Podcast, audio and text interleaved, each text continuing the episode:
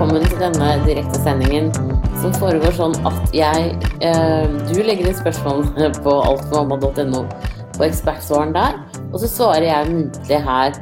Og så etterpå så limer jeg inn URL-en, sånn at alle finner svarene. Så da foregår det sånn at jeg, jeg leser opp spørsmålene, og så svarer jeg etterpå. Og da er det rennende utflod. Hei, Siri. Jeg er gravid i uke 24 og syns jeg stadig opplever at det renner noe i trusa. Særlig hvis jeg har vært på do for å tisse eller reise meg opp fra liggende stilling. Men også noen ganger når jeg er oppreist går. Det som kommer ut kan noen ganger sammenlignes med en spiseskje i mengde. Det kan bli store, våte flekker i trusa. Væsken ser ut til å være tynn og helt blank, og av og til får jeg litt gult på papiret. Det lukter ikke noe spesielt. Av og til sterkt som urin etter en stund, ammoniakk. Har jeg lest at fostervann lukter som sæd, og av og til innbiller jeg meg at jeg kjenner den lukten, men er usikker. Urinen ser litt grumsete ut i doen, nesten som et belegg som flyter oppå. Kan dette være utflod? Har nylig levert en urinprøve som ikke slo ut på annet enn pluss én på protein. Blodtrykket er fint. Andre dager er utfloden litt tykkere og slimaktig. Er det grunn til å mistenke lekkasje av fostervann? Jeg har opplevd spontan vannavgang før, riktignok i uke 38, så jeg skjønner at det ikke er det. Men kan man eventuelt lekke litt nå da? Selv om livmorhalsen er lang og lukket. Jeg slet litt med å kjenne at jeg måtte tisse flere uker etter forrige fødsel, så kunne jeg tisse litt på meg. Har dette noe å si? Eh, det er helt sånn som du sier, at det eh, er, eh, er nok utflod, det du kjenner. Og jeg tenker at det, altså det som skjer når du er gravid, det er at i skjeden så bygger det seg opp masse små lommer, fordi at den skal kunne utvide seg maksimalt når hodet til babyen skal ut. Og Derfor så, så, er det sånn at i de lommene så kan det legge seg utflod. Og den kan da komme særlig sånn som du sier at når du reiser deg opp av ligget, så, så, tømmes de lommene mye enklere. Men det kan også gjøres sånn plutselig sånn her og der, sånn som du opplever. Så dette her er helt sikkert utflod. Eh, hadde det vært vannavgang, så hadde det kommet mye mer. For at babyens hode er ikke stort nok ennå til å kunne eh, liksom stå, stå som en sånn propp nede i bekkenet. Så da ville alt vannet ha gått. Og det vil si at det er ikke så mye nå, men det er noen desiliter.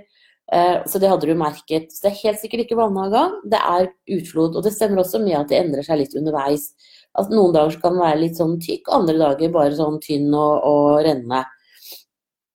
Så, så, dette her eh, stemmer bra. Og også det at du har slått ut på én på proteiner, tyder på at det er utflod, fordi det er proteiner i utfloden. Um, så jeg tenker at du kan bare slappe helt av. Dette er ikke noe å være noe bekymra for i det hele tatt.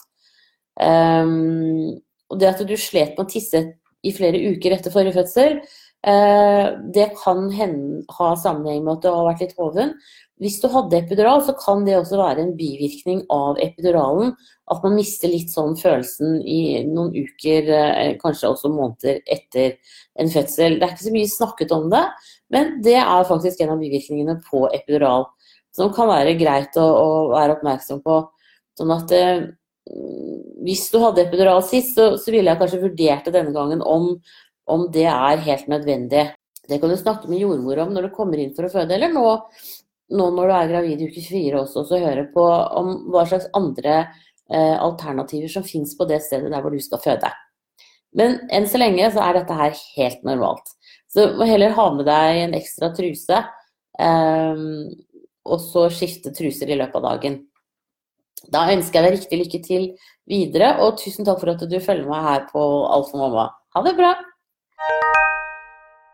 Og så er det Linpin91 som sier hei.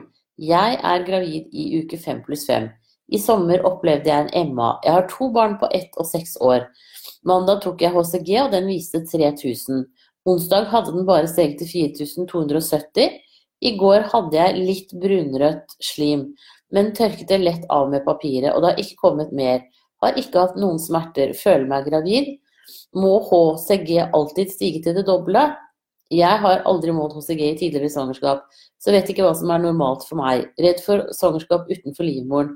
Kan det likevel ha gått bra? Er så engstelig for om det ikke gikk denne gangen heller. Er ellers frisk, ingen medisiner eller komplikasjoner i tidligere svangerskap. Ja, men så flott. Jeg tenker at dette her ligger innafor normalen. Det er veldig varierende eh, egentlig hvor mye den HCG-en stiger. Så jeg tenker at det er litt sånn Ja, altså man sier jo at den skal doble seg i løpet av to til tre dager. Eh, og nå gikk det jo bare to dager mellom dine målinger. Men det at den er steget, er jo, er jo det positive. Sånn at jeg tenker at uh, dette her er helt innafor. Så lenge du ikke da får en skikkelig mens nå, så burde dette være helt normalt. Og i og med at du hadde en MA nå i sommer, så vil det jo være naturlig at du får en ultralyd når du er sånn uke sju-åtte. Da skal hjertet slå helt sikkert. Og da vil man også kunne se hvor fosteranlegget ligger, om det ligger inni livmoren eller utenfor. Det er ingen grunn til at du skal bli gravid i egglederen nå selv om du har hatt en MA. Det er mer hvis man har hatt operasjoner eller hvis man har PCOS eller sånne ting som på en måte er kompliserende på og skaper arrdannelse i egglederne. Så jeg tenker at dette her burde gå helt fint. Burde ikke være noen problemer. Så spis gravide vitaminer med forlat og jod, og kos deg masse videre. Ha det bra! Og så er det uke 34 som sier Jeg er gravid i uke 34. Under og etter sex opplever jeg mensmurringer som kommer og går litt, som gir følelse av at jeg må nummer to, men når jeg går på do, så får jeg ikke til noe særlig. Har også opplevd dette etter fysisk aktivitet. Hva er dette? Har lest at det kan være kynnere, men jeg har kynnere der hele magen blir hard. Dette er ikke vondt, syns jeg. Disse menssmertene er vondere, og magen blir ikke hard på samme måte når dette skjer. Takk for svar.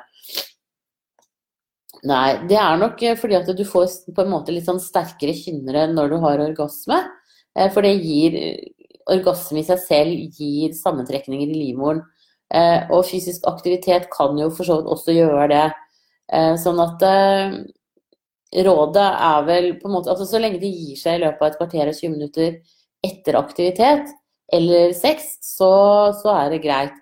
Men hvis det fortsetter i timevis, så er, er, det nok på en måte et litt tegn på at kanskje du skulle eh, ligge litt lavt på, på um, det med å ha sex og sånn nå. Og, og, heller tilpasse fysisk aktivitet til et nivå hvor du ikke får så mye muringer etterpå. Men snakk med jordmora di om det når du er på kontroll neste gang, og det bør det vel være i løpet av en to ukers tid nå. Og ellers så på en måte avpass farten litt. Um, men, men, hvis de gir seg i løpet av si, maks en halvtime, da, så, så, er det ikke noe å være noe bekymra for. Og etter uke 36 så, så, kan du bare starte eller ha sex så mye du vil. Eh, det kan være med på å starte fødselen når alt annet er klart, men eh, er, da er det ikke farlig for babyen. Eh, det er litt tidlig å bli født i uke 34, så derfor liksom kanskje kjøre litt Ikke ha så høy aktivitet nå i to uker. Og så heller kan man klinke til litt nærmere fødselen. Men uh, tenk etter liksom hvor lenge det varer, og så, og så ser du i forhold til det. Men uh, det er helt normalt, det er ikke noe å være noe bekymra for i hvert fall. Det er helt sikkert. Det kan hende at du skulle prøvd uh, tilskudd med magnesium, bare for å se om det kan roe smerten eller, og kynneraktiviteten noe. men det er ikke noe farlig i hvert fall. Da ønsker jeg deg riktig lykke til videre, og tusen takk for at du følger meg her på Alt for mamma. Ha det bra! Og så er det OR som sier hei. Jeg er straks 37 fullgåtte uker. Jeg ble sjekket av, sjekket av jordmor på forrige kontroll, da jeg hadde hatt en litt, liten blødning.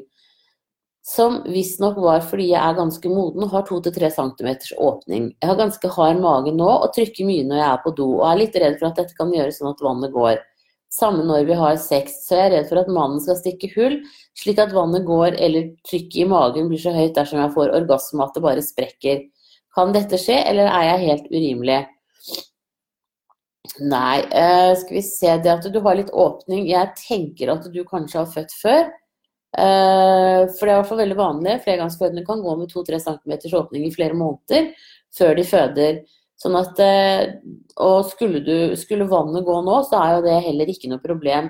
For nå er du i uke 37, og da kan du helt fint føde. Sånn at jeg tenker at det, det er ingenting å være noe bekymra for. Det skal veldig mye til at vannet går pga. press. Sånn. Eh, og ved sex, så det Da hadde det gått uansett, på en måte. Da er det mer tilfeldig at det skjer når dere har sex.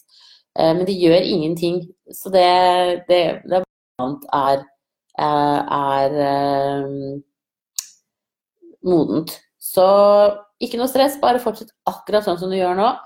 Eh, hvis du har veldig hard mage, så kan du prøve magnesium fordi og ta maksdoser av det, fordi at det overskuddet av magnesium går ut i avføringen. Og da gjør den at den blir mykere. Så det kan man bare gjøre. Det gjør også at kynnerne kan bli litt mildere, faktisk. Og også fordi at det påvirker muskulatur som er veldig sånn eh, triggervennlig. Eh, så har man mye sånn leamus og leggkramper og sånne ting, så er magnesium med, gjerne med D-vitaminer en helt ypperlig ting å ta. Da ønsker jeg deg riktig lykke til videre, og tusen takk for at du følger meg her. Ha det bra! Og så er det Line som sier hei. Nå var jeg i går og tok HCG blodprøve på legesenteret. Men er det sånn legen ringer i dag og kan se om HCG er høyt, eller hører jeg ikke fra legen om å ta nye? Eh, tok blodprøve fordi jeg har en gutt på tre måneder som jeg fullammer, men jeg fikk plutselig en blødning på to dager. Ganske lite og murringer ned i magen. Merker òg økt utflod. F.eks. på doen kan det henge ned som slim. For da jeg bestilte time til blodprøve, så sa sekretæren på legekontoret at jeg kunne komme tilbake på mandag og ta en ny. Men så sa legen i går at hvis jeg ikke hørte noe, så var det ikke noe på blodprøven. Tusen takk for svar, og ønsker deg en fin helg. Ja.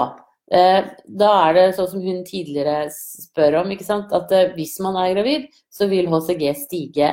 Men her er det jo bare for å finne ut om du er gravid eller ikke. Så da er det jo helt sånn som legen sier, at eh, da, hvis du ikke hører noe, så har du ikke slått ut på HCG, og da er du ikke gravid. Da kan det jo hende at du med, begynner å være i gang med eggløsning og, og mens nå. Eh, at dette er begynnelsen på en, ny, på en syklus. Sånn at eh, vær um, obs hvis du ikke ønsker to tette, så er det lurt å bruke prevensjon nå, altså. Og hvis ikke du har begynt med noe p-piller eller fått satt inn noen spiraler sånn, eh, så bør du bruke kondom når dere har sex, hvis du ikke ønsker å bli gravid med en gang. Det kan jo bli litt spennende da, å se eh, om du hører noe eller ikke om hvordan dette her er. Skulle du være gravid igjen nå, så heter det ofte pseudotvillinger når man får to så tette. Um, fordi at det er nesten som å ha tvillinger. Men uh, det blir spennende å se. Uh, og selvfølgelig er du gravid og ikke tar uh, vitaminer for ammende og gravide nå, så bør du begynne med det. Men hør gjerne fra deg igjen da, for å høre hvordan dette går. Da ønsker jeg deg en riktig fin dag videre, og tusen takk for at du følger meg her. Ha det bra! Og så er det Mina som sier hei. Jeg er gravid i uke 33 og opplever nesten hver dag at det kommer små klumper med gult, gjennomsiktig slim på papiret når jeg tørker meg hver dag nå. Det skiller seg tydelig fra vanlig utflod. Er dette slimproppen som begynner å gå? Er det tidlig? Nei, dette er helt sikkert ikke slimproppen, for den er svart og blank og gul, og kanskje noen ganger litt rød også. For det er gammelt blod og, og oppsamlet slim. Så det um, er det helt sikkert ikke. Det er nok utfloden din som har klumper seg litt. Så det kan hende at du, hvis du klør, så at du kan ha en liten soppinfeksjon. Eh, da kan du gå på apoteket og kjøpe sånn soppdrepende krem, enten Canesten eller Clotrimastol, tror jeg er vel de to merkene som fins. Um, jeg pleier bare å like greit å ta den som er billigst, for det er samme virkestoffer i begge to. Det er bare to forskjellige produsenter. Uh, men hvis ikke det klør eller noen ting sånn, så tenker jeg da er det bare å, å se det an, og så, og så um, uh, vil det gå over etter hvert, tenker jeg. Men normalvarianten når det gjelder utflod og sånn, er ganske stor når man er gravid. Og det ligger også en artikkel om det på Alt for mamma, um, som du kan lese. Uh, for det er, jeg skrevet litt mer om forskjellige typer utflod og sånn. Men da ønsker jeg deg riktig lykke til videre, og tusen takk for at du følger meg her. Ha det bra! Og så står det på helsekortet Hei, jordmor skrev HK på helsekortet når hun sjekket leie på babyen sist. Jeg skjønner at H betyr hodeleie, men hva betyr K? Trodde det bare var festet eller ikke festet. Jeg Nei, vet du, det kan være knapt festet. Eh, det må være gjetningen min på dette. Eh, fordi at eh, når liksom hodet går nedover i bekkenet, så, så, fester det seg ikke helt med en gang. Men liksom, etter hvert så skrur det seg litt ned, og da, da fester det seg bedre. Så jeg tenker at det betyr at det er knapt festet. Men da er det i hvert fall på vei, da er babyen på riktig vei ned bekkenet, så det er bra. Og det betyr også at hvis du skulle begynne med noen rier og kynnere, sterke kynnere, vannet går og sånn, så vil nok hodet feste seg ganske raskt. Så jeg, du kan jo høre med henne neste gang, men jeg tipper at det er det det, det betyr. Da ønsker jeg deg riktig lykke til videre, og tusen takk for at du følger meg her. Ha det bra! Og så er det gravid i uke 35 som sier Hei, jeg er gravid i uke 35 med tredjemann. Mitt problem kan vel karakteriseres som et luksusproblem, men er, gjør likevel at jeg bekymrer meg litt for at alt er som det skal. Saken er at jeg ikke merker noen plager eller symptomer på denne graviditeten nærmer seg slutten. Det jeg leser i dagbøkene mine fra da jeg gikk gravid med de to andre, hadde jeg masse kynnere, stikninger, murringer, halsbrann, hovne bein osv. osv. Nå har jeg ingenting. Hadde det ikke vært for den levende kula på magen, så kunne jeg like gjerne ha vært, ikke vært gravid. Jeg prøver å tenke at jeg er heldig, men kjenner at jeg blir utålmodig av å ikke ha noen tegn på modning. Føler at dette svangerskapet kommer til å vare for alltid. Trodde man ville merke slike tidligere, og tidligere som flergangsfødende. Hva slags erfaringer har du her? Kan det være helt annerledes og plutselig skje på kort tid? Ja, det kan det. Eh, graviditeter kan være veldig forskjellige. Eh, men jeg, jeg, skjønner veldig godt på en måte si, bekymringen din. Fordi at det er jo vanlig at man blir mer og mer plaga. Så du er egentlig bare superheldig som har det så bra som du har det nå i, eh, i denne graviditeten. Eh, jeg tenker at eh, det kan godt hende at du bare plutselig en dag bare føder sånn litt mer ut av det blå. Så du bør jo eh, pakke fødebagen om ikke så lenge og ha den klar. Eh, og så er det jo bare å nyte det. Eh, jeg tenker det kan ha litt med tid på året at du føder nå. Eh, fordi at nå er det ikke veldig varmt i luften. Veldig varme sånn som man har om sommeren og sånn det gir gjerne mye mer hovne bein. Eh, og så kan det hende at det er nå, det vet jeg jo ikke, at det er en lengre avstand mellom nummer tre enn det er mellom nummer én og to. At du på en måte er mindre sliten nå enn du har vært med de andre, selv om det kanskje er litt ulogisk. Vet ikke, Kanskje du har det veldig bra i livet ditt, eh, og derfor ikke blir så plaga. Eh, men uansett så er, er på en måte effekten er at, eh, at, du bare kan nyte det. Og så tenker jeg også at du har vært gjennom det to ganger tidligere. Så det kan hende at du er litt raskere på å avskrive symptomer som normale enn at du går og grunner over dem. At du liksom bare sorterer det fort ut, og så er du på en måte ferdig med den tanken. Eh, om det kan være en del av det også, vet ikke. Eh, men eh, jeg tenker det, bare, her er det bare å nyte. Så det er riktig lykke til med innspurten. Og så tusen takk for at du følger meg her også. Ha det bra! Og så er det Hodelei som sier hei. Var på ultralyd for et par dager siden. Babyen min ligger i hodeleie. Likevel syns jeg ofte at jeg i det siste har kjent sparkbevegelser nedover mot skjeden og rett over symfysen. Hvordan er det mulig dersom den ligger med hodet ned? Er det armene? Jordmor sa at hodet var kommet ganske langt ned. Hvordan kan jeg kjenne om det er langt ned eller langt oppe? Er forresten gravid i uke 33.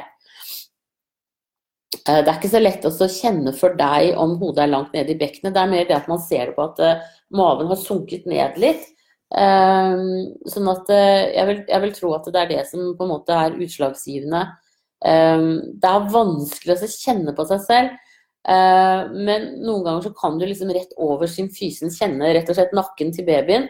Den er ganske liten, kanskje sånn.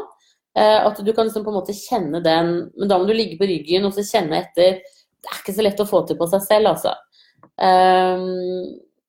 Men, men i og med at jordmor så hodet som lå nede på ultralyd, så er det helt sikkert hodet som ligger ned. Så det er jo, er jo veldig positivt. Og armene beveger seg jo, de. Eh, og noen ganger så slår de jo litt ut med armene. De har mye mer rykkete bevegelser enn en, uh, eh, når de er så små, og den første tiden etter fødselen. Sånn at uh, det kan jo kjennes ut som mer sånn spark og, og, sånn i forhold til det, da. Men jeg tipper at det, Eller jeg ikke bare tipper, det er nok høyst sannsynlig armene. Nå ligger de jo ofte med beina liksom mer og mer i kors etter hvert som man er gravid i uke 33. Men det, det pleier jo ikke å gi så store utslag heller nederst, på en måte. Um, men det er klart at tærne ligger jo på en måte her, da. På babyen. det er ikke så langt unna hodet. Um, men eh, jeg tenker at det er, det er nok det som eh, Rett og slett det at, at maven liksom har sunket litt hos deg, som, som, er det du kjenner best i forhold til at babyen har gått langt ned, da. Eh, men supert at hodet ligger ned nå. Jo fortere babyen legger seg med hodet ned, jo større sjanse er det for at den blir liggende sånn frem til fødsel. Så det er kjempebra. Da ønsker jeg deg riktig lykke til videre, og tusen takk for at du følger meg her. Uh, husk også å følge meg på Jeg er på både YouTube og Soundcloud og Instagram og overalt. Må være aktiv i disse sosiale mediene. da er det avflatet SF-mål som sier hei. Jeg er andregangsfødende gravid i uke 38 pluss 1. Var til kontroll hos jordmor i dag, som var vikar for den jordmoren jeg vanligvis går til. SF-målet mitt har hele tiden ligget litt over 50 persentilen og fulgt sin egen kurve. Men i dag ble SF-målet målt til å ligge akkurat på 50 persentilen, altså en liten avflatning fra sist. Jeg har kontrollmålt det selv og mener det stemmer. Jordmor mente dette var helt normalt på slutten av svangerskapet, når hodet har festet seg. Men hodet hadde festet seg ved sist kontroll for to uker siden også, uten at det ble en avflatning av SF-målet. Jeg kjenner godt med Liv daglig og er i god form, fint blodtrykk og fin vektoppgang, men jeg blir litt bekymret for om avflattet SF-mål kan indikere dårlig vekst hos fosteret nå på slutten pga. morkakesvikt. Hadde også en avflattet SF-kurve på slutten av sist svangerskap, og fikk da en baby som var SGA rett under grensen, uten at jeg fikk annen forklaring på dette enn at det mest sannsynlig skyldes genetikk, da jeg hadde lav fødselsvekt selv da jeg ble født. Bør jeg bekymre meg, eller er, dette, er det helt normalt at SF-målet flater noe av på slutten av svangerskapet? Uh, hvis du ser på den kurven, så, så, ser du at den går liksom sånn, og så flater den av. Så Derfor så skal du på en måte følge den avflatede kurven som er tegnet på helsekortet. Når det er sagt, så er det jo sånn at forskjellige jordmødre måler også forskjellig. Eh, og nå skal du jo på kontroll eh, om en uke igjen. Eh, sånn at hvis det da fortsatt er flatt, tenk, eller sånn flatere, da, så tenker jeg at da kan det hende at du burde sendes inn til en kontroll. Nå er det jo til termin, så det aller greieste hadde jo vært om du bare fødte. Så ble du ferdig med den bekymringen. Men jeg tenker at ny kontroll om en uke er i hvert fall innafor. Eh, det bør du. Og så, eh, og så er det veldig bra sånn som du gjør nå, at du følger med på fosterets bevegelser. Og får du en dag med mye bevegelser eller lite bevegelser, så skal du selvfølgelig ringe til fødende og snakke med dem. Og da også si det at du har et lett avflattet eh, SF-mål. For det er, det er, viktig. Nå som du hadde det sist også, så tenker jeg at det Da det, kan jo det tyde på at det er sånn det er med deg. Eh, men det kan jo også være greit å få sjekka det uansett. Um, og så tenker jeg det at, uh, at du da fikk et barn sist som var litt SGA betyr jo small for gestational age.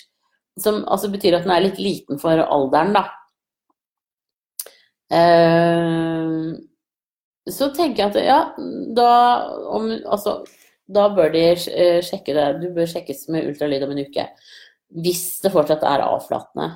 Uh, men som sagt, ikke nøl med å ringe føden direkte, uansett tid på døgnet, hvis du syns at babyens bevegelser endrer seg veldig i løpet av et døgn. Uh, så, så, bare ringer du dem rett på. Så ha det som en sånn betryggende tanke, at du, at, det, at du på en måte bare tar kontakt med dem, da. Uh, hvis, mellom nå og neste gang du skal til jordmor, hvis, hvis det skulle være endringer der. Men kjempebra at du følger så godt med. Eh, det er supert. Eh, og, og sånn burde alle gjøre, egentlig. Så skulle du møte noen sure tryner på føden, så, så er det du som har rett. Det er du som gjør det riktige. Eh, det er du som tenker riktig. Da ønsker jeg deg riktig lykke til videre, og tusen takk for at du følger meg her. Ha det bra! Og så er det 33 pluss 5 som sier hei. Er det vanlig at magen flytter på seg i løpet av dagen? Når jeg våkner i senga på morgenen, opplever jeg at babyen ligger langt oppi magesekken og lungene, mens jeg om kvelden ikke opplever noe press på magesekk eller lunger, men mer nedpress og en følelse av at babyen snart er på vei ut. Ja, altså det kan nok godt hende at livmoren din er mye mer slapp eh, når du har sovet om natten, og så strammer den seg på en måte i løpet av dagen, og, og så som du sier at du har mer nedpress på, på kvelden. Og det er nok fordi at du, du, da, når du på en måte er i bevegelse i løpet av dagen, så trigger også det kynnere. Um, men jeg tenker at dette her høres helt normalt ut. Dette er ikke noe å være noe bekymra for. Um, kan sikkert uh, Hvis det blir veldig plagsomt på kvelden, så kan du eventuelt prøve å ta tilskudd av magnesium. Og, og skulle det bli sånn at du virkelig opplever at det er mye kynner og mye nedpress, så, så, tar du selvfølgelig kontakt med jordmora di og får en ekstra kontroll. Men ellers så tenker jeg sånn, sånn som du beskriver det her nå, så ligger det absolutt innafor normalen. Og det er jo også flere som kan se at når, når du har en kynner, da, at livmoren legger seg over mot den ene eller den andre siden på kynnere. Så, livmoren er jo på en måte som en sånn ballong som står opp inni maven, da. Eh, og, og henger ganske fritt Eh, sånn at, eh, at det er et, et, visst bevegelsesrom der. Da ønsker jeg deg riktig lykke til videre, og tusen takk for at du følger meg her. Ha det bra! Og så er det Anonym123 som sier Hei, jeg er gravid i starten av tredje trimester og lurer på om jeg skal ta influensavaksinen. Jeg har aldri tatt denne vaksinen før, og heller aldri hatt influensa før, så vet ikke hvordan kroppen min reagerer på en eventuelt influensasykdom er ikke bekymret for om selve vaksinen er trygg, skjønner at denne er det beste for barnet. Men jeg er redd for en bivirkning og hvordan denne kan påvirke barnet. Tenker da på anafylaktisk sjokk. Vet dette er sjelden, men dersom jeg skulle få sjokk, hvordan påvirker dette barnet? Hvis jeg f.eks. får problemer med å puste, kan barnet bli hjerneskadet fordi det får for lite oksygen? Eh, for å ta det siste først. Så hvis du skulle få anafylaktisk sjokk, eller begynne å gå inn i sjokk, så vil du få antisprøyte mot det. Da får du adrenalin umiddelbart eh, hos fastlegen eller der hvor du er og tar den eh, influensavaksinen. Så alle de som gir vaksiner, de har alltid adrenalin liggende i beredskap. Og Det er derfor man på en måte ikke kan bare sette vaksinen på seg selv, men man må være et, et godkjent sted hvor du kan få den behandlingen umiddelbart. Eh, hvis du ikke har reagert på, spesielt på vaksiner i barndommen og i ungdomstiden, på de vaksinene du har fått da, så er det ingen grunn til at du skal reagere noe på influensavaksinen, altså. Eh, det kan hende at du kan få en lett feber en av de første dagene, men, men det er ikke farlig. Den er sjelden veldig høy. Går den over 38, så kan du ta en Paracet eller en Ibux. E nå er du tredje trimester, så da skal du helst ta Paracet. Men, men, jeg vil absolutt anbefale å ta influensavaksinen. Og det er fordi at komplikasjonene på en skikkelig full force influensa er heftigere for gravide enn for andre. Um, sånn at uh, i USA f.eks. så dør det gravide kvinner hvert år av komplikasjoner på influensaen. Når det skal sies, så, så tenker jeg at det, har, det, er nok kvinner som ikke liksom, på en måte er i så veldig god har så veldig god allmenntilstand og sånn. Eh, jeg har aldri hørt om at det har skjedd her i Norge. Men det dør jo eh, Eldre og svake dør jo hvert år av influensaen her til lands også. Sånn at jeg syns at det er en god investering å ta den vaksinen. Og det er også positivt i forhold til barnet ditt, for da går antistoffene over i barnet ditt. Slik at barnet ditt heller ikke får denne influensaen som går i år. Eh, og det kan jo være greit, for da føder jo du nå eh, om en tre måneders tid. Og da er du på slutten av influensarunden eh, for så vidt, men det kan være greit å, å være, ha den vaksinen da likevel. Så hadde, jeg hadde ikke vært noe bekymra for anafylaktisk sjokk her. Eh, de har sprøytene klare hos fastlegen din, garantert. Da ønsker jeg deg riktig lykke til videre, og tusen takk for at du følger med her. Ha det bra! Og så er det 31 pluss 4. Hei, Siri. Først og fremst, eh, årsaken til at jeg skriver dette klokken fem, er at jeg klarer ikke å sove. Hvis jeg sover på ryggen, så får jeg vondt i beina, men hvis jeg sover på venstre side, så får jeg så vondt i hele magen. Det er ikke bare litt, smertene er så sterke at jeg våkner og kan ikke sove igjen. Er dette normalt? Kjennes som ille liker ikke at jeg sover Lille ikke liker at jeg sover slik. Jeg har lest et eller annet sted at det er ikke bra å sove på høyre side, og hva kan jeg gjøre? Andre ting. Jeg blir fulgt opp tettere pga. vekstavvik på babyen. Sist gang for snart to uker siden lå hun på minus 18. Målene var BPD 78, MAD 72 og FL 53 og plum øh, Det vet jeg ikke helt hva er. 0,63. De sa at alt er i orden med babyen, men jeg syns noen av målene er litt for lave i forhold til andre. Lurer på hva du tenker når du ser de. Skal ha ny kontroll på onsdag. Hva er protokoll dersom avviket har blitt større? Siste liten, jeg er resus negativ, fosteret positiv. Har ikke fått påvist antistoffer og har fått profylakse i uke 28. Trenger de fortsatt å skrine for antistoffer før fødselen? Håper du kan hjelpe. Eh, jeg, når det gjelder de antistoffene, så tror jeg at eh, da har jo du fått den anti-D-sprøyten, så jeg, da tror jeg ikke egentlig at det, det, trengs noe mer. Men vet du hva, det husker jeg ikke i farten. Um, altså Hvis de har sagt at de skal skrine deg en gang til, så er det bare å gjøre det. Uh, men jeg trodde ikke det var nødvendig når du hadde fått den anti-D-sprøyten. Når det gjelder dette med, med, at du får vondt når du ligger på ryggen, så kan nok det være vena cava. Eh, at blodtilførselen fra beina og opp til overkroppen blir dårligere fordi at livmoren presser på den hovedvenen. Eh, og du kan godt ligge på høyre side, det er ikke noe problem. Grunnen til at gravide sliter litt med å ligge på høyre side, er at fordi at man da oftere får litt sånn sure oppstøt. Men det er ikke noe farlig. Eh, det som du antageligvis kan gjøre, er å ta en sofapute eller en litt sånn stor hotellpute opp i sengen, sånn at du på en måte får en god helning på kroppen, på overkroppen, at det kanskje kan hjelpe deg litt også. Og så tenker jeg at det at du får så vondt i hele maven, og at du får så vondt som du gjør, uh, det er jo veldig spesielt. Men prøv også halvt sitte, prøv høyre side. Og så syns jeg du skal snakke om dette når du er på kontroll nå på, på onsdag. Uh, at du får så vondt når du ligger jeg, ikke, jeg, kan liksom ikke helt uh, se for meg hva det kan være. Men, men uh, ryggen er nok helt sikkert vena cava. Men det at du får så vondt når du ligger på venstre side, det skjønner jeg ikke helt. Uh, så det har jeg ikke noen god forklaring på. Men, men det er, går fint an å ligge på høyre. Det er ikke noe problem i det hele tatt. Når det gjelder målene dine, så er det ikke noe vits at jeg sier noe fra eller til om det. Der må du på en måte stole på de som sjekker deg. og så når de sier at det er i orden med babyen og at det er, er greit, selv om den da er litt liten, så, så tenker jeg at det, det, det, Du må stole på dem. Eh, for dette, de ser helheten. De ser deg, og de ser hele babyen og fostervann og morkake og hele det samspillet. sånn at det tenker jeg det er det viktigste.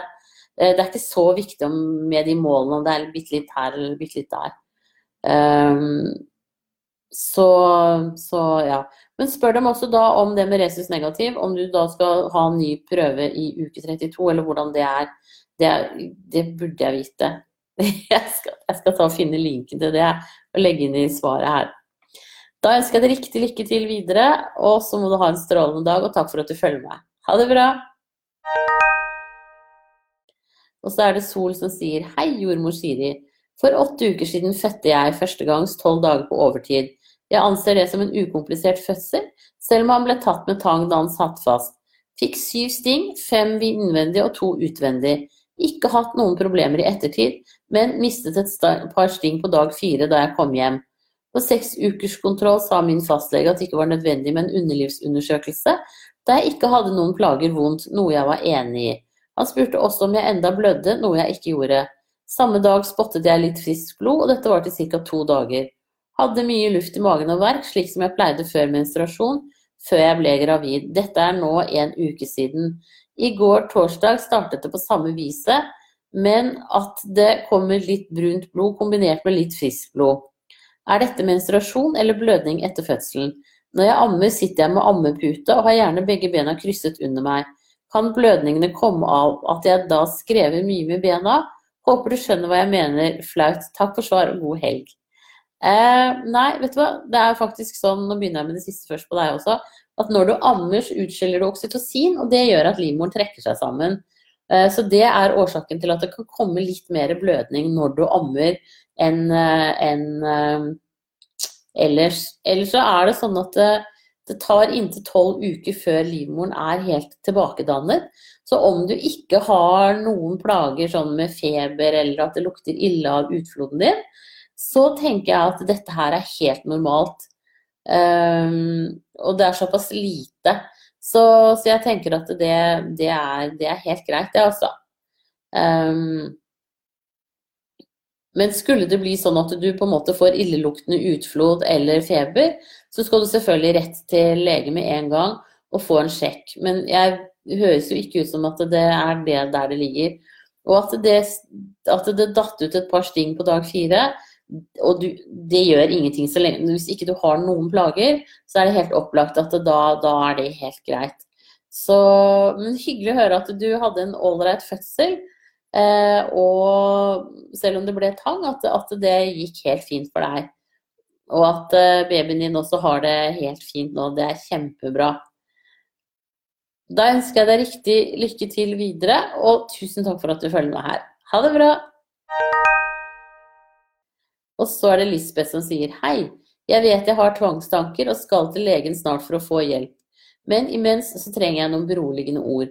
Jeg er så redd å bli smittet med hiv og aids spesielt fra afrikanske folk og andre med mørk hud. Det er helt tullete, egentlig. Jeg er så redd at jeg blir helt ko-ko når f.eks. min datter har lekt med ei fra Afrika, f.eks., og en av foreldrene er afrikansk, så jeg er livredd for at datteren min kommer i nærheten av meg pga. smitten og sitte i klærne hennes. Så da ender det med at jeg må bytte klær. Når jeg er ute på noe og skal handle mat til baby f.eks., så er jeg redd baby blir smittet via maten hvis det har vært noen utenlandske for eksempel, som f.eks. har sittet i kassen på den matbutikken jeg har vært. Dette er slitsomt altså. Så redd jeg blir smittet og dermed smitter barna mine eller meg selv. Har fotsopp også og redd jeg blir smittet fra foten til underlivet via trusa jeg tar på meg. Livredd for at baby blir smittet via leker osv. også. Det er ikke bra det heller, for jeg er jo hysterisk. Ja, det er sånn som du sier, du har helt klart tvangstanker og trenger god hjelp. Eh, og det er jo kjempeslitsomt å ha det sånn som, sånn som du har det. Og det er jo, det er jo Altså, du har jo liksom bare Altså, folk plasserer tvangstankene sine på forskjellige ting. Du har plassert det på mørkhudede mennesker. Eh, det kunne like så godt ha vært eh, katter eller et eller annet annet. Eh, at du var redd for å få toksoplasmose. Men, men det er jo ikke Hiv smitter ikke på den måten. Hiv smitter via væske, via åpne sår. Eh, altså det er sånn at selv om du, du, kysset en med hiv, så ville du ikke nødvendigvis ha fått det heller. Sånn, sånn at det, det, skal veldig mye til å få hiv, faktisk. Eh, man må ha direkte kontakt med åpne sår for å få til det. Sånn at det, du trenger ikke ikke å være noe bekymra i det hele tatt. Og jeg er helt sikker på at du vet det, men jeg sier det til deg nå. Dette, her må du ikke, dette må du prøve å legge av deg. Og så må du heller prøve å gå bak tvangstankene dine. Hva er det som gir deg, gir deg så store bekymringer? Hvor ligger det trykket? Og det kommer du til å få god hjelp til eh, når du går til eh, For jeg regner med at du kunne trenge å gå til en psykolog eh, for å få sortert tankene dine, og prøve å finne ut av hva er det hva er det du plasserer her? For det er det du gjør. Det er noe, det er noe helt annet som egentlig plager deg, men som du på en måte plasserer på dette. Eh, og sånn sett så kan det jo det, kan det jo være like greit å ha det som du har det til du eh, får ordentlig behandling. Men, men, det er superbra at du tar deg selv alvorlig på dette her og går og får ordentlig behandling, for det trenger du. Og det vil gjøre livet ditt så mye lettere. Og det vil også gjøre livet ditt eh, altså livet til de personene som er tett på deg, lettere. Um, sånn at, at, eh, her må du på en måte rett og slett ta deg selv i nakken hver gang du begynner å dra av gårde med de tankene. Altså tenke at vet du hva, nei. Prøv å distrahere deg selv. Eh, du sier jo til deg selv at du er hysterisk. Eh, det hjelper ikke så veldig. Du må på en måte mm, tenke helt andre tanker. Altså se ut av vinduet, eh, se på trærne, hvor mange blader har falt av siden i går. Altså litt mer sånne andre ting som kan på en måte distrahere deg da, når du får de tvangstankene. Men superbra at du får god hjelp. Eh, og du trenger ikke å bytte klær eh, med mindre de er skitne, selvfølgelig. Men ellers er jo det helt innafor. Og babyen kan ikke bli smittet av at noen som er utenlandske, har tatt i matvarene. Um, sånn at um,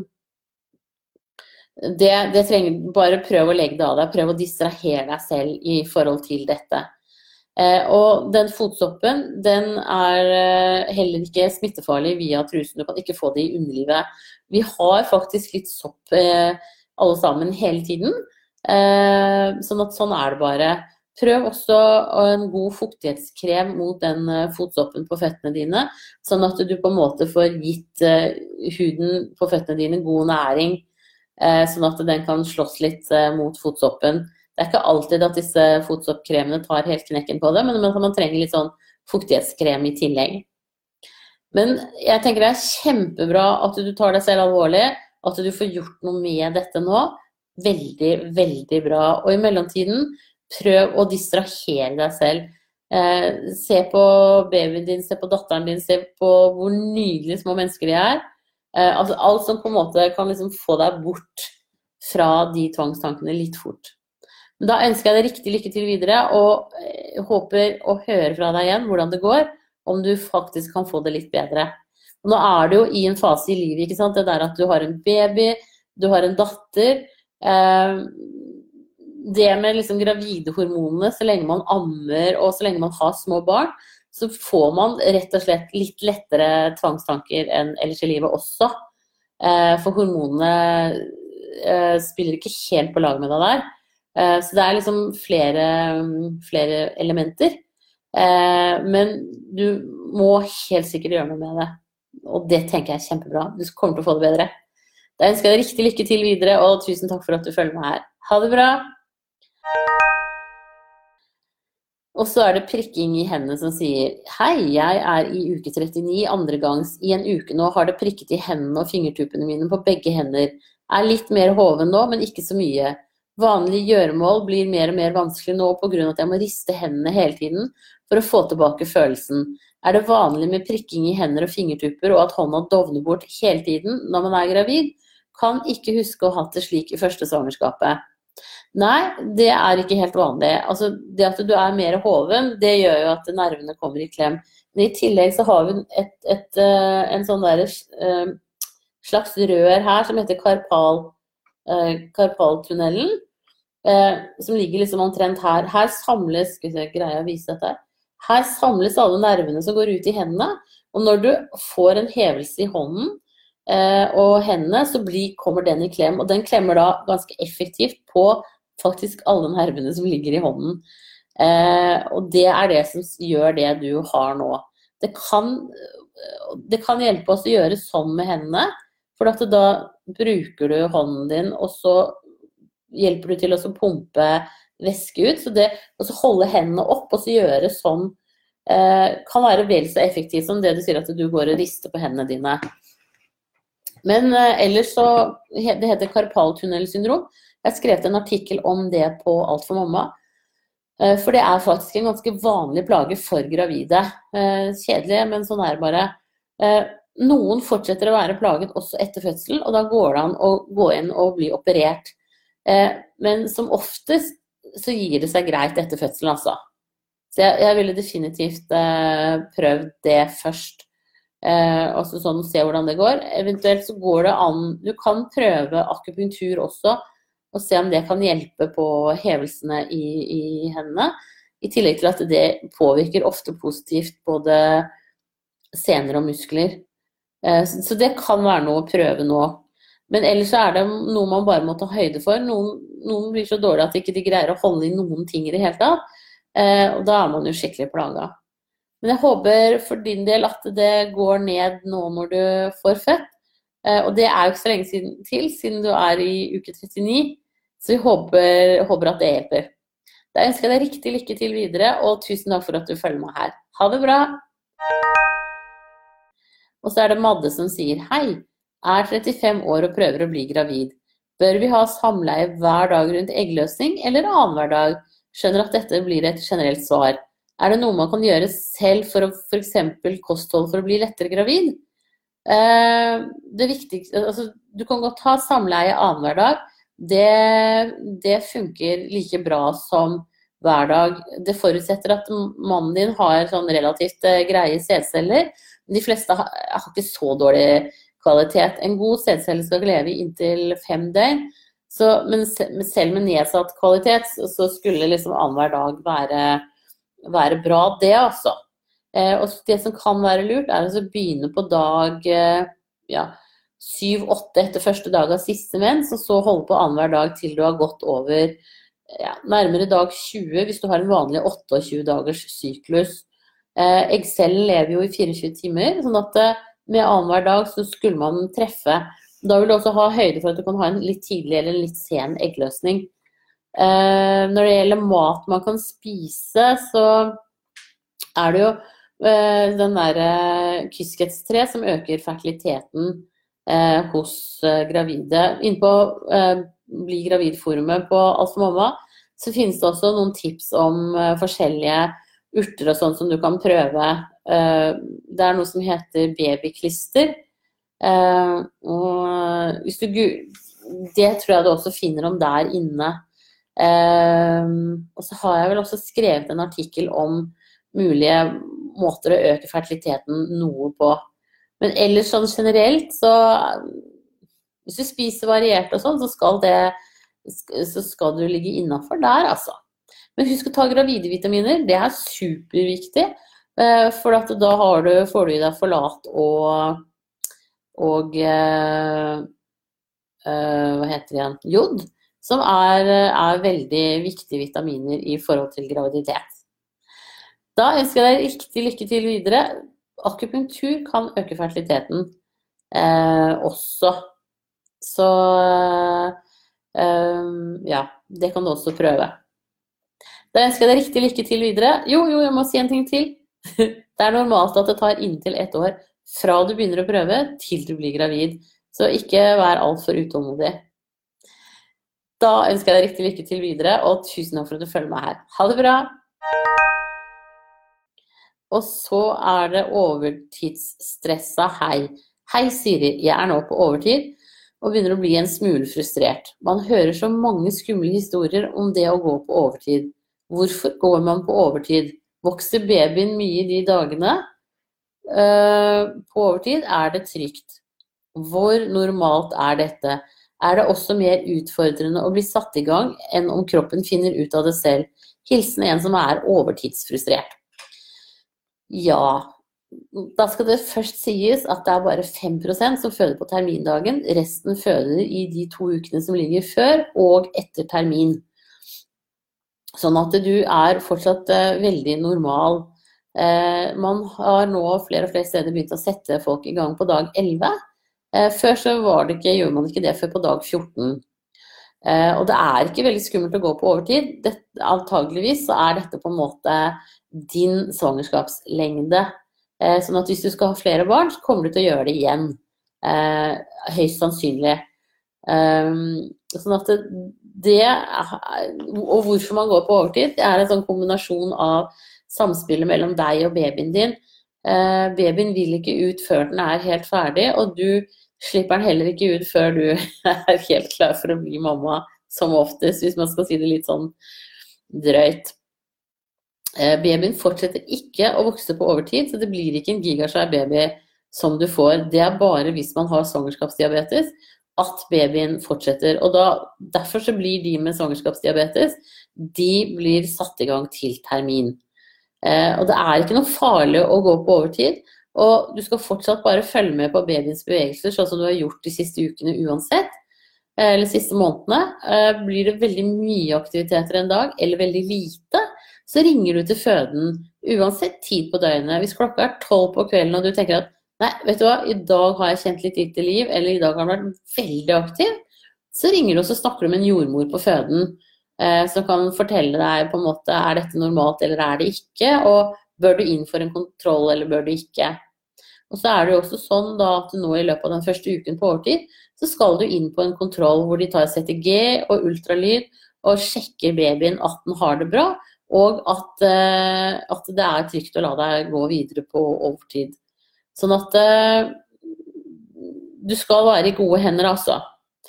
Når det gjelder eh, mm, det å bli satt i gang, så er det som oftest så gir kanskje muligens noen flere komplikasjoner enn, enn om man setter i gang selv.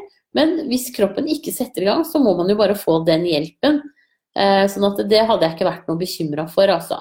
Høyst sannsynlig så starter du helt av deg sjøl nå i løpet av en av de nærmeste dagene. Og du får jo snakke litt med Nurken nedi magen og si at vet du hva, nå er det på tide å komme ut. Eh, rett og slett. Eh, sex kan jo også være en positiv ting, hvor, fordi at det, i sæden så er det prostaglandiner som virker modne på mormunnen, og orgasme hos deg kan gå over i rier.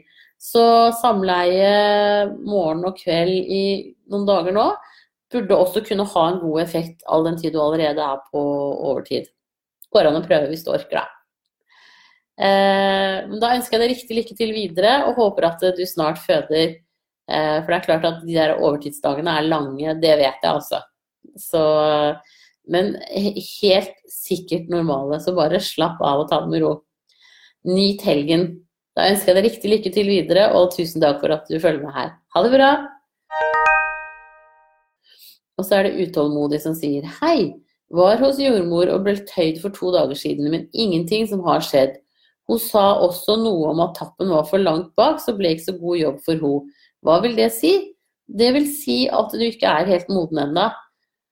Uh, for at etter hvert, altså for mormunnen ligger liksom bakover inni skjeden, og så retter den seg mer og mer ut sånn, og så trekker den seg opp og utvider seg etter hvert som man går i fødsel. Så, så det er egentlig egentlig bare det at du ikke er så moden ennå. Men ofte litt, når jordmor knørver og tøyer litt og sånn, så blir man litt mer moden. Eh, så, så, selv om ikke du kjenner så mye, så har det nok antageligvis også allikevel hatt en effekt, da.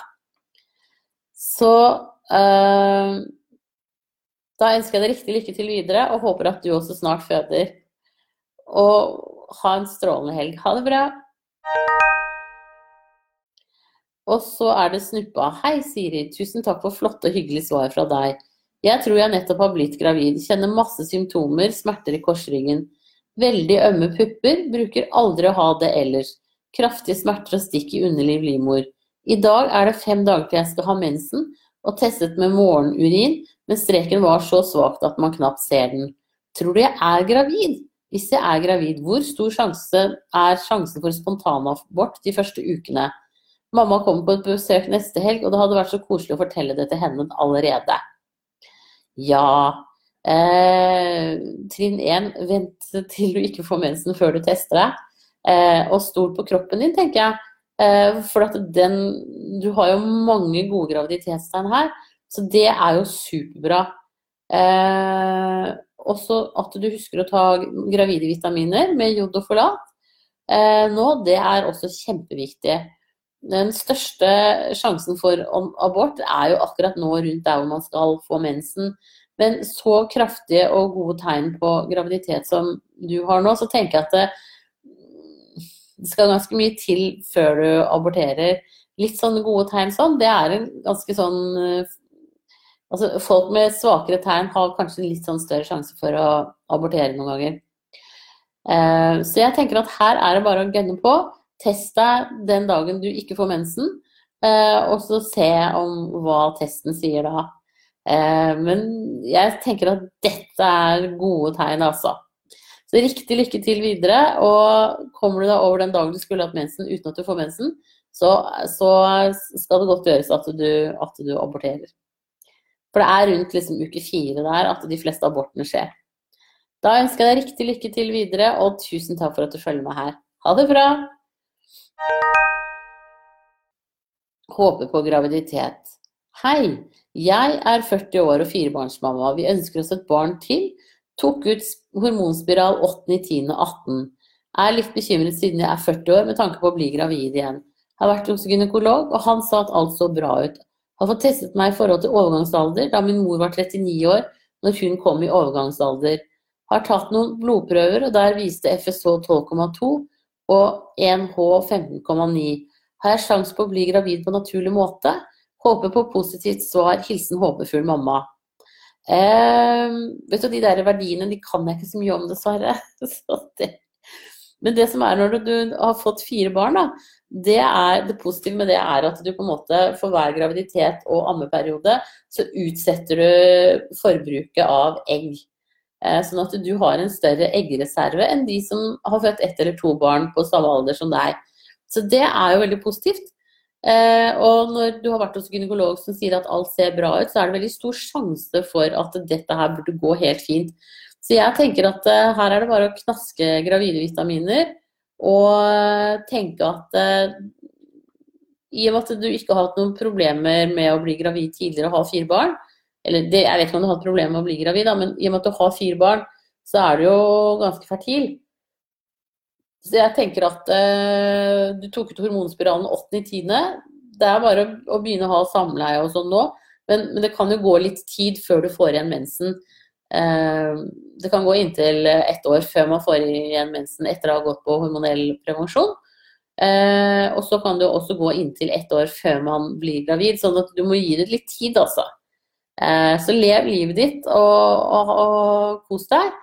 Men men gi litt rom for at det kan ta litt tid. At det er ikke nødvendigvis et tegn på at du er for gammel, men, men, det er sånn det er normalt sett, rett og slett.